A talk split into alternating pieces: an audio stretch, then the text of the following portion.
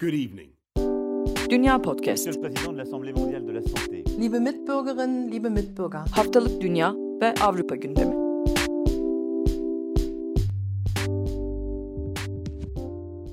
Herkese merhaba, Dünya Podcast'a hoş geldiniz. Ben Seda Karatabanoğlu, program partnerlerim Nida Dinçtürk ve Akın Art'la birlikte bu hafta ABD başkanlık seçimlerini konuşacağız. Konuğumuz siyaset bilimci Sezin Öney. Hoş geldiniz Sezin. Merhaba, merhaba. Bugün 24 Ekim Cumartesi tüm dünyanın gözünün üzerinde olduğu ABD başkanlık seçimlerine 10 gün kaldı. 3 Kasım'da gerçekleşecek seçim için zaman daraldıkça seçim yarışı hızlanıyor anketlerdeki küçük bir değişim bile önem arz eder hale geliyor. Anketlerle ilgili bir soruyla başlamak istiyorum. 2016 yılındaki seçim anketleri 3-4 puan fark ile Clinton'ı önde gösteriyordu. Ancak buna rağmen Trump seçimi kazandı. Bu seçim için Biden'ı 10 puan önde gösteren anketler var. Genel olarak Biden'ın kazanacağı yönde bir kanı hakim olduğunu söylemek mümkün. Anketlere güvenebilir miyiz Sezin yoksa anketler bir önceki seçim gibi bizi yanıltabilir mi? Şöyle tabii Amerika'nın sistemi e, son derece ilginç bir sistem. Seçmenler kurulu aslında seçildiği için işte orada zaten sürpriz de yaşanabiliyor.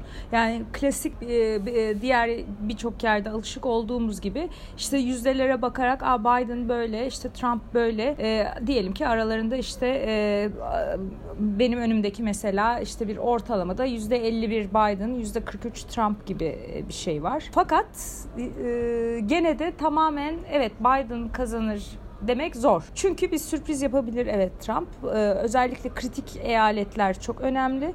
Onlardan bir sürpriz çıkabilir. Ama öbür taraftan da bakarsak bir önceki seçimle karşılaştırırsak yani Clinton ve Trump arasında o zaman gerçekten çok daha az puan farkı vardı. Ee, bir de işin o tarafı var. Ee, insanlar tercihlerini saklıyor olabilirler mi? Ee, işte bir de tabii e, e, korona döneminde anket dünyası e, bütün bu kamuoyu araştırmaları dünyası. Evet ya daha o konuda da soru işaretleri şu bakımdan olabilir. Daha çok telefon üzerinden Kati adı verilen bu computer assisted bu telefon üzerinden yapılan yani bilgisayar destekli telefon görüşmeleriyle gerçekleştiriliyor anketler. Yüz yüze gelinmiyor birçok sefer e, gelinmemeye çalışılıyor. Dolayısıyla orada da evet e, belki anketlerden de o tarz bir sürpriz, yanılma sürprizi de çıkabilir. E, bahsettiniz gerçi siz cevap verirken ama ben biraz daha detaylandırmanızı isteyeceğim. Şimdi ABD'deki seçim sistemi Türkiye'dekilerin çok da alışık olmadığı bir seçim sistemi. Konuyla özel olarak ilgilenen akademisyenler ve bir kısım gazeteciler dışında belki hemen hemen kimsenin detaylarını çok bilmediği bir seçim sistemi. Örneğin Clinton bir önceki seçimde Trump'tan toplamda tekil oy olarak daha fazla oy sayısına evet. ulaşmasına rağmen Trump kazanmıştı seçimi. Evet. Bu seçimde nasıl bir süreç bizi bekliyor? Yine kritik eyaletlerdeki delege seçimleri var mı? Yani şu eyaleti Trump'ın aldığı durumda şöyle olacak, böyle olacak gibi neler Trump'ın önündeki engeller bu seçimde? E, Trump'ın e, tabii ya geçen sefer e, 3 milyon oydan bahsediyoruz. Yani az da bir oy değil aslında Clinton'ın fazlası ekstra oyu olarak. E, şimdi bu, burada mesela işte e, yani Arizona mesela eyaletlerden bir tanesi. Trump daha önce onu yüzde dörde yakın farkla kazanmıştı 2016'da. Şimdi aralarında sadece işte 1-2 puan fark var. Yüzde 48'e yüzde 46 gibi bir şey gözüküyor. İşte Florida gene benzer şekilde. E, Florida her zaman zaten e, arada gidip gelen bir e, ve seçimleri de belirleyici rolü olabilen bir eyalet. Yani orada da 46 e, 48'e 47 gibi bir ortalama ikisi arasında Biden'ın lehine. Bu ikisinde de Arizona'da, Florida'da öyle gözüküyor. Georgia, Iowa hep bunlar çok yakın aslında. Çok kritik 1-2 puan farkın oynadığı yerler. Onun dışında işte gene mesela e, baktığımızda işte North Carolina bu şekilde. E, tam yani virgülüne kadar oynayan bir yerde Trump'ın kazanıyor şu an gözüktüğü Ohio. Ama %0.6 fark var. Ee, ve oraya baktığımızda mesela Trump'ın %8 farkla kazandığını 2016'da görüyoruz. E tabii şimdi durumlar böyle olunca yani onlar acaba Biden'ın zaferini ilan etsek mi şimdiden tam bunu işte niye söylediğim söyleyemediğimizin de bir kere daha cevabını vermiş oluyorum. Ee, Sezin ben aslında şimdi bütün sistemlerin ve bütün e, devlet liderlerinin e, büyük sınav verdiği meseleyle alakalı bir soru soracağım ama öncesinde şu an Amerika'nın içinde bulunduğu koronavirüs evet. mücadelesini hatta yakın zamanda Trump'ın bu konuyla alakalı gövde gösterisi denemelerini hatırlatmak istiyorum dinleyenlere. Aslında zaten çoğu kişinin bildiği, hatırlayacağı gibi Evet. Amerika şu an dünyada e, koronavirüs Evet. vakalarının en fazla görüldüğü ülkelerden biri. Salgın başından beri ülkede yaşanan can kaybı 230 bin. Zaten aynı zamanda da böyle herkesi kapsayan bir sağlık sistemi olmadığından e, Tabii. eleştiriliyordu e, Amerika. Ve bildiğimiz gibi de koronavirüs tedavisi binlerce dolara mal oluyor. E, Biden da dün yaptığı açıklamalarda e, seçildiği takdirde Covid-19 aşısının herkes için ücretsiz olacağını söyledi. Öte yandan Amerikan basınında Trump virüse karşı tüm uyarılara rağmen önlem almakta geciktiği yönünde eleştiriliyor. Hatta e, işte Covid-19'a yakalandı ve hastanede 3 gün tedavi gördü. Gerçekten yakalandı mı yoksa bu seçim öncesi bir güçlü lider imajı yaratmak için hani Covid'i bile yenen lider Evet. imajı yaratmak için miydi e, soruları havada uçuşuyor. Hatta yani hastaneden çıkarken bir Superman tişörtü giymeyi planladığı bile sızdırıldı bilmiyorum. ben bu bilgiyi teyit edemedim ve gerçekliğine inanmak istemedim ama Evet. genel olarak böyle bir durum var e, Amerika'da. Evet. Ee, Şimdi Covid-19 salgını ve bu yaşananlar e, seçim sonuçlarını nasıl etkileyecek sence? Şimdi e, Amerika'da tabii yani 8 milyondan fazla insan, neredeyse 8,5 milyona yakın insan hastalandı e, ve 221 bin insan öldü, hayatını kaybetti korona dolayısıyla. Ve orada e, hiçbir yerde olmadığı kadar iş tam bir kutuplaşma meselesine dönüştü. Yani bir ideolojik adeta bir e, manifestoya işte e, maske takıp takmadığınızın dönüştüğü bir e, halden bahsediyoruz e, düşünün ki. E, ki işte yani e, bayağı sertleşen durumlar da oldu. Hatta bazı işte e, koronavirüs e, tedbirlerini beğenmeyen e, insanların e, isyana neredeyse gittiğini, işte bazı işte e, valilerin öldürülmesi için planlar yapılması vesaire veya şiddet eylemleri gerçekleştirilmesi için e, bazı e, eyalet yöneticilerine e, böyle olaylarla karşılaştık. Ya dünyanın hiçbir yerinde gerçekten bu kadar siyasi kutuplaşma vesilesi olmadı koronavirüs. E, bu bakımdan yani tabii ki e, her şeyde olduğu gibi işte pop- partizan yaklaşımlar karşımıza çıkıyor Amerika'da da. Ee, zaten bütün bu popülizm meselesinin aslında en büyük e, işte göstergesi e, bu kutuplaşma hikayesi ve burada da e, Cumhuriyetçiler Trump'ı her şeyde destekledikleri için ne yapsa destekledikleri için ve arkasına kenetlendikleri için gene ulusal ortalamaya göre e, Trump'ın koronavirüs e, konusundaki politikalarını beğenme konusunda da e, ulusal ortalamayla e, Cumhuriyetçilerin beğeni ortalaması arasında orada da bir uçurum söz konusu. Yani %75'e yakın Cumhuriyetçilerin e, görev onayı e, korona konusunda Trump'a. E, ulusal ortalamaya baktığımızda işte CNN'in bir araştırması %37 diyordu.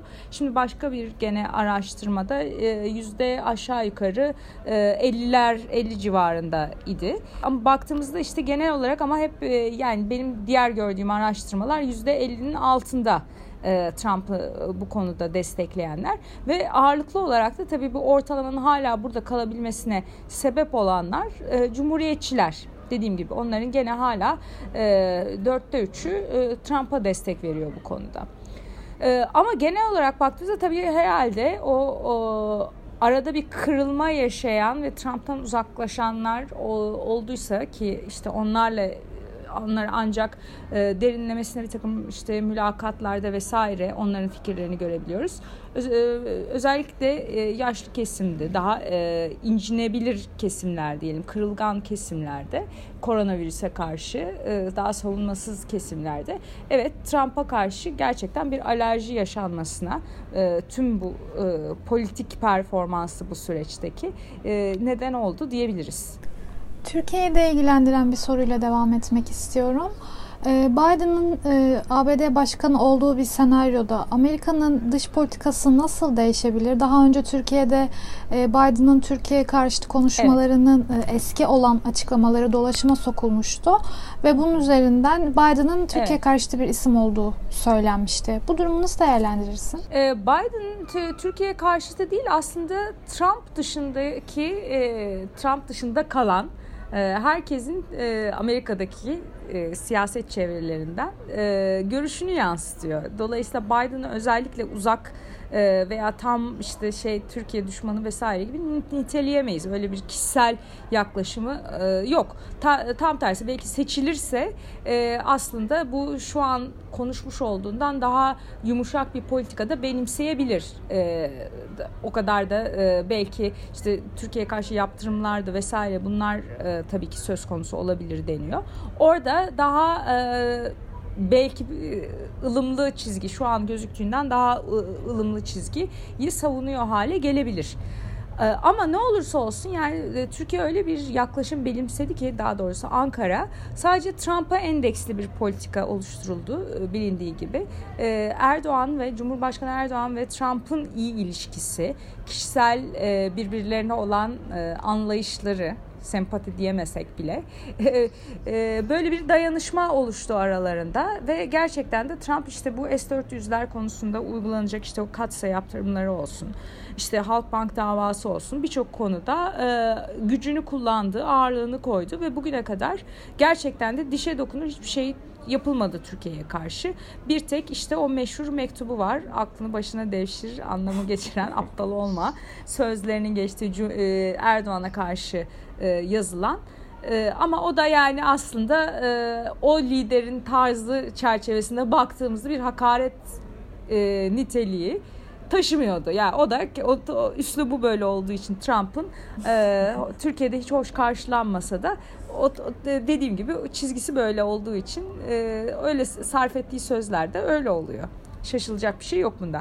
Türkiye ama için gerçekten de şu bakımdan zor bir dönem başlayabilir Biden seçilirse. Bir kere ekonomik olarak e, bu yaptırımların beklentisi artacağı için gene dolarda ciddi bir hareketlenme görebiliriz. Ee, ve e, ya Biden yükseldikçe Türkiye'de dolar da yükseliyor gibi de bir eş zamanlı durum var hakikaten. Tüm bu anketlerde vesaire kazanması daha e, olası hale gelince öyle düşünülünce Türkiye'ye yönelik ekonomik algılarda daha negatifleşiyor. E, dolayısıyla bir kere oradan görebiliriz. E, ama e, bir yandan da bunun da önü herhalde şöyle alınmaya çalışılıyor. Biden seçilirse gene de arayı iyi tutabilmek için onun da kampanyasında çalışan bir takım insanların Türkiye ilintili Ankara e, ile ilişkilerini e, olan insanlar olduğunu söyleyebiliriz. O yüzden e, belki de e, beklendiği kadar işte böyle şimşekler çakmayabilir ilişkilerde Biden seçilirse. E, Trump bizim alışık, üslup olarak çok alışık olmadığımız bir siyasetçi. Yani dünya siyaseti de Amerikan siyaseti de zaten biraz daha olağan dışı bir seyir izliyor son 5-6 evet. senedir özellikle. O yüzden normalde ciddiye almayacağımız bazı evet. iddialar ciddiye alınabilir hale de gelebiliyor. Örneğin Trump'ın seçimi kaybettiği takdirde başbakanlığı yine bırakmayacağına dair bir takım spekülasyonlar vardı. Yani evet. bu normalde çok ciddi alacağımız bir söylem olmazdı. Trump değil de başka birinden bahsediyor olsaydı hele hele Amerika gibi bir ülke özelinde. Fakat bu oldukça konuşuldu. Yani bununla ilgili açıklama yapan isimler oldu. Noam Chomsky'nin bir e, beyanı vardı hatırlarsınız belki. Trump görevi bırakmazsa 82. hava indirme tümeni onu zorla saraydan çıkarıcı, çıkarabilir falan gibi. Yani ne oluyor demiştir muhtemelen Türkiye'den okuyan bir sürü insan da Amerika'da bunları duymak gerçekten şaşırtıcı. Şimdi bunlar ciddiye alınabilir iddialar mı? Trump'ın kaybettiği bir senaryoda bizim kaotik bir durumla Amerika içinde ya da belli çatışmalı olasılıklarla karşılaşmamız mümkün mü? Gerçekçi tahminler, senaryolar mı bunlar? Şimdi Trump bir kere kaybetmeyi seven ve kabullenen bir e, tip değil. Bu e, açıdan evet birçok e, şimdiye kadar hiç Amerika tarihinde görmediğimiz e, tarzda veya Amerikan seçimleriyle özdeşleştirmeyeceğimiz tarzda e, durumlar yaşanabilir. Evet bir yandan da işte bu sandıkları koruyun, sandıkların başından ayrılmayın neredeyse tarzı tam öyle değil ama yani farklı sistem olduğu için tabii ister istemez birebir bu söylenemiyor ama neredeyse bunu andıran bir takım e, söylemleri evet e, duyunca gayet ironik geldi bana tabii bize yaptığı çağrışımlar açısından. Ee, ama e, evet şöyle bir kaos olabilir her şeyden önce e, ta, taraflar o kadar kutuplaşmış durumda ki e, cumhuriyetçiler ve de, demokratlar bir kere oradan yaşanan tabanda her halükarda yaşanacak bir kutuplaşma. İşte daha e, önceki aylarda işte Amerika'da gördüğümüz tarzda e, kaos işte o e, isyanvari haller. Evet bunlar söz konusu olabilir. Trump işi evet bir e, içinden çıkılmaz bir çekişme haline de getirebilir. Malum bu mektupla oy verme hikayesiydi vesaireydi. Onlar e, yani posta yoluyla daha doğrusu. O onlar mesela konu olmuştu. E, o tarz e, sonuçlara gölge düşürecek, saygı duymayacak bir takım şeyler yapabilir. Orada işte Amerikan kurumlarının e, güçlülüğü bir kere daha test edilmiş olacak. Acaba yani gerçekten o demokrasi işliyor mu? Aslında bütün bu popülizmin hikayesi bu. E, bizim sandığımız kadar güçlü değilmiş kurumlar diyoruz birçok mesela örnekte popülizm örneğinde. E, iktidara bir kere popülist liderler geldiler mi o kurumları zayıflatmak, denge denetleme mekanizmalarını zayıflatmak için ellerinden geleni yapıyorlar. E, Trump açısından da aslında e, bu zaten söz konusu Anayasa Mahkemesi hikayesinde atamalarda e, yaptıklarından işte e, izlediği yollardan bunları görüyoruz. Bir kere e, ne olursa olsun e, Trump kazansın kazanmasın hala evet o ihtimal de var. Bunu tamamen dışlayamıyoruz. E, başta da söylediğim gibi. E, dünyayı değiştirdi. Politika yapış tarzlarını değiştirdi. Amerika'yı değiştirdi. E tabi her şeyden önce e, Anayasa Mahkemesi'ne damgasını vurdu. Daha yıllar yıllar sürecek şekilde. E, dolayısıyla o e, bir kere kutuplaşma evet çok daha fazla kök saldı. Onun işbaşı yaptığı zamandan. Zaten müthiş bir kutuplaşmadan bahsediyorduk ama şimdi karşımızda olan çok daha ileri bir boyutu. Ya insanların canla başla artık e, canlarını ortaya koyarak neredeyse e, siyasi görüşlerinde zıtlaştığı bir ortamdan bahsediyoruz. E, ve Chomsky'nin de yani bu kadar uç bir şey yazması dolayısıyla evet ilk başta böyle nasıl olabilir falan bu kadar da mı gibi geliyor ama e, böyle bir senaryo karşımıza çıkar mı? Niye çıkmasın? Bir kere yani zaten orduyla da arasında e, bir zıtlaşma var Trump'ın. Dolayısıyla orada e, ve ordu mensupları arasında e, desteği oldukça düşük. Pentagon'a da zıtlaştığı için kim bilir böyle bir Amerikan filmi senaryosu tarzında bir şeyler de yaşansa şaşmamak lazım. Evet ama ya her halükarda ben seçimler sonrası e, çok kolay bırakmayacağını veyahut da işte bir e, karışıklık, kaos ortamı çıkacağını Amerika'da düşünüyorum açıkçası. Sürpriz olmaz yani sürpriz olmaz. Ha o nasıl şekillenir? Dediğim gibi yani pek e, onu şu an öngörmek mümkün değil. Ama gerçekten de e, ya sokaklarda ya da e, siyasi çatı katında görev değişimi nasıl olacak olmayacak ne oldu? Orada işte gerçekten seçim sonuçlar böyle miydi tartışmasını veya her ikisinde hem sokakta hem e, daha Washington e, eksenli bir tartışmayı da beraber yaşayabiliriz. Hı hı. Ee, Sezin aslında biraz az önceki soruya yanıt verirken senin de değindiğin gibi e, dünyada e, tuhaf bir trend e, izliyor. Aşırı sağ ve ırkçılık. Biz de aslında geride kalan programlarda e, konuşuyoruz. Hatta geçen haftaki bölümde e, Seda Fransa'daki e, öğretmenin evet. öldürülmesi meselesine detaylıca değinmişti. Yani Trump'ın Amerika'da seçilmesi, İngiltere'nin şu an Avrupa Birliği ile yaşadığı Brexit çekişmesi, zaten evet. Johnson'ın iktidara gelmesi. E, bunlar hani belki de 2000'lerin başında gördüğümüzde gerçekleşmesini istemeyeceğimiz e, şeylerdi. Şu an içinde yaşıyoruz. E, böyle 2015-2016'dan itibaren sanki global bir dalga gibi ortaya çıktı bu trend. Trump'ın gitmesi acaba batıdaki bu sağ popülist diğer iktidarlara da e, olumsuz bir dalga olarak döner mi? E, gerçi tabii, tabii Trump'la başlamadı bu dalga ama evet onun e, gidişi belki bir evet e, farklı politik dalgayı da tetikleyebilir. Yani e, popülist liderlerin birbiri ardına düşmesi domino etkisiyle hı hı. gibi. Ama bu daha çok e, Biden'ın seçilmesinden çok yeni politikaların ortaya konabilmesine bağlı. E, mesela işte Yeni Zelanda'da bir anlamda da yaşananlar e, bence çok daha aslında bu dalgayı, bu tarz bir domino etkisini e, oradaki e, Jacinda Ardern'in seçilmesi mesela bence hakikaten çok daha fazla e, böyle bir domino etkisini yaratabilecek güçte bir şey. Çünkü o kutuplaşmaya karşı birleştirici liderlerin oluyor olması lazım ve kutuplaşmaya karşı birleştirici bir politika oluşturabildiğinizde bir farklı dalga oluşabiliyor. Ee, şimdiye kadar işte bunu daha çok yerel seçimlerde gördük. Ee, mesela işte Macaristan'da sadece Türkiye'den bahsetmiyorum. Macaristan'da bu tarz işte Budapeşte'nin e, belediye başkanı e, gibi örneğinde Gergely Karaçoni örneğinde olduğu gibi e, e, bütün muhalefetin tek çatıda birleştiği e, örneklerde e, popülizmin geri adım attırıldığına tanık olduk.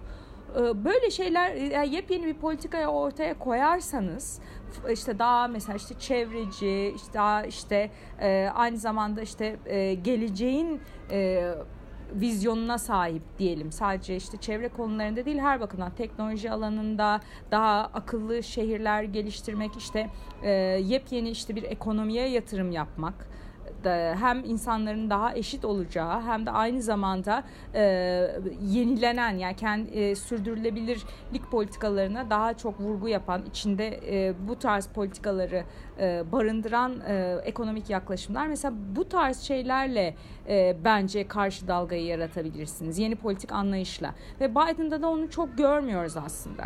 Mesela iklim krizinden bahsettiği zaman bir politikası olduğunu söylüyor ama e, bunun e, tam olarak işte Bernie Sanders'ın dediği gibi bir şey olmadığını, farklı bir şey olduğunu vesaire böyle laf karışıklığıyla ortada bir şeyler geçiyor ama o da mesela net bir şekilde ortaya koymuyor bunu yapacağım vesaire gibi ve biraz da daha eski düzeni evet hala temsil ediyor. Hı hı. Aslında daha geleneksel bir yöntemle politika üretiyor evet. gibi görünüyor değil mi? Evet kesinlikle ve tabii ki o kutup e, zaten daha önce işte kaos çıkar mı çıkmaz mı e, konusunda da bahsettiğim o kutuplaşmayı da aslında devam ettiren, sürdüren de bir yaklaşımı var.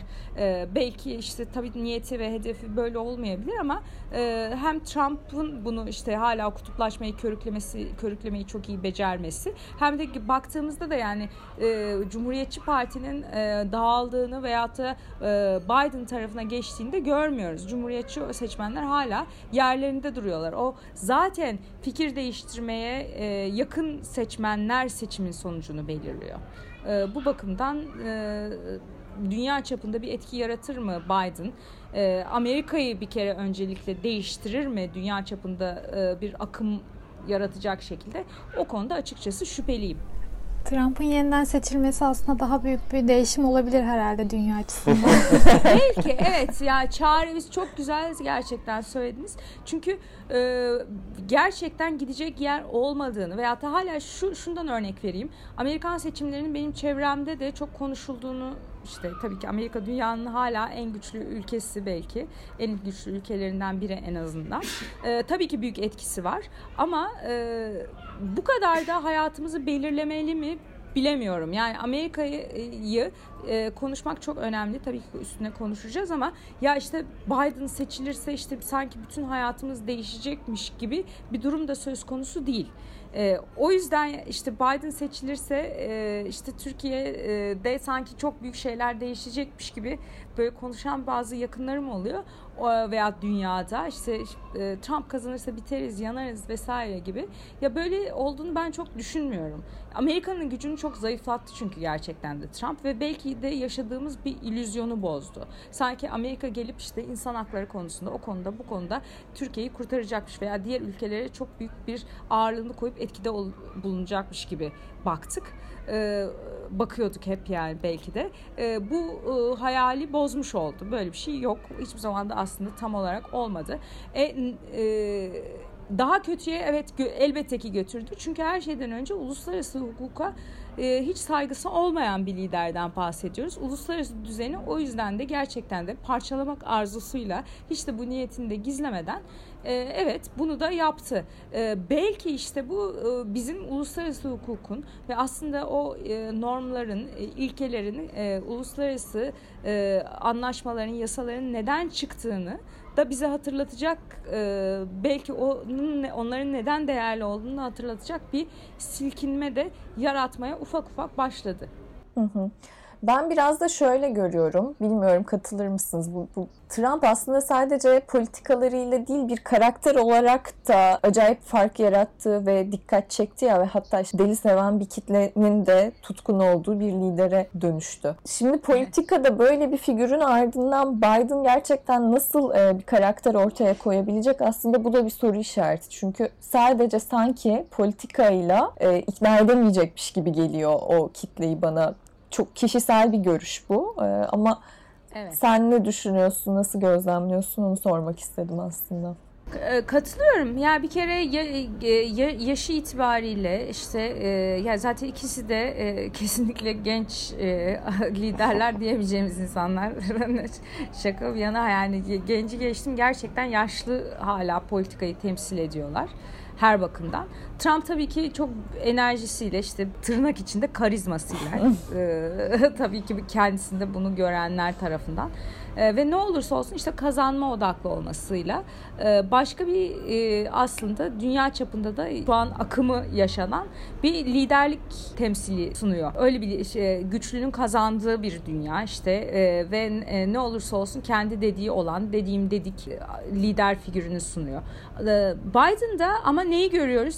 E, işte kendisini kişisel olarak tanıyanların çok nazik ve hoş bir insan, zarif bir insan olduğunu söylemesine rağmen onun dışında da yanına bu işte tanımlamaların e, pek bir şey koyamayacağımız bir aslında figür. Bir e, Biden tarzı veyahut da işte e, mirası bir anlamda liderlik olarak şimdiye kadar da politikanın e, içinde e, olmuş bir insan yani dışarıdan da gelen biri değil. Bir şey koyuyor mu ortaya? Hayır. Ya bu açıdan işte yepyeni bir e, belki çizgi oluşturuyor olabilseydi ki bunu zaten yapmasına aslında eşyanın tabiatına aykırı imkan yok. Çünkü öyle bir iddiası hiçbir zaman olmamış zaten.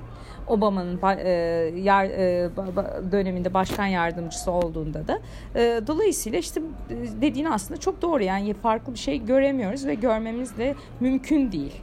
E, dolayısıyla işte ben, e, o demin dediğim yani bizim hayatlarımızı değiştirecek mi, etkileyecek mi? Hayır yani o düşüşü, Amerikan büyük Amerikan düşüşünü e, sürdürmeye devam edecek. Çok teşekkürler sizin Ben teşekkür ederim. yanıtların için. E, programınız gerçekten benim için çok önemli. Bunu da bu arada söyleyeyim. Çok seviyorum. Ya çok teşekkür Teşekkür E, ederim. iyi ki varsınız. Çok teşekkür Sen de ederiz. varsın. Sen de konuk için çok değerlisin. İkinci kez katılıyorsun programa. Bu bizi çok mutlu etti. İlkinde doğum günündü. Özel bir günü bize Evet. ayırmıştın. Biz de ondan cesaret alarak tekrar sana ulaşmak istedik. Her zaman.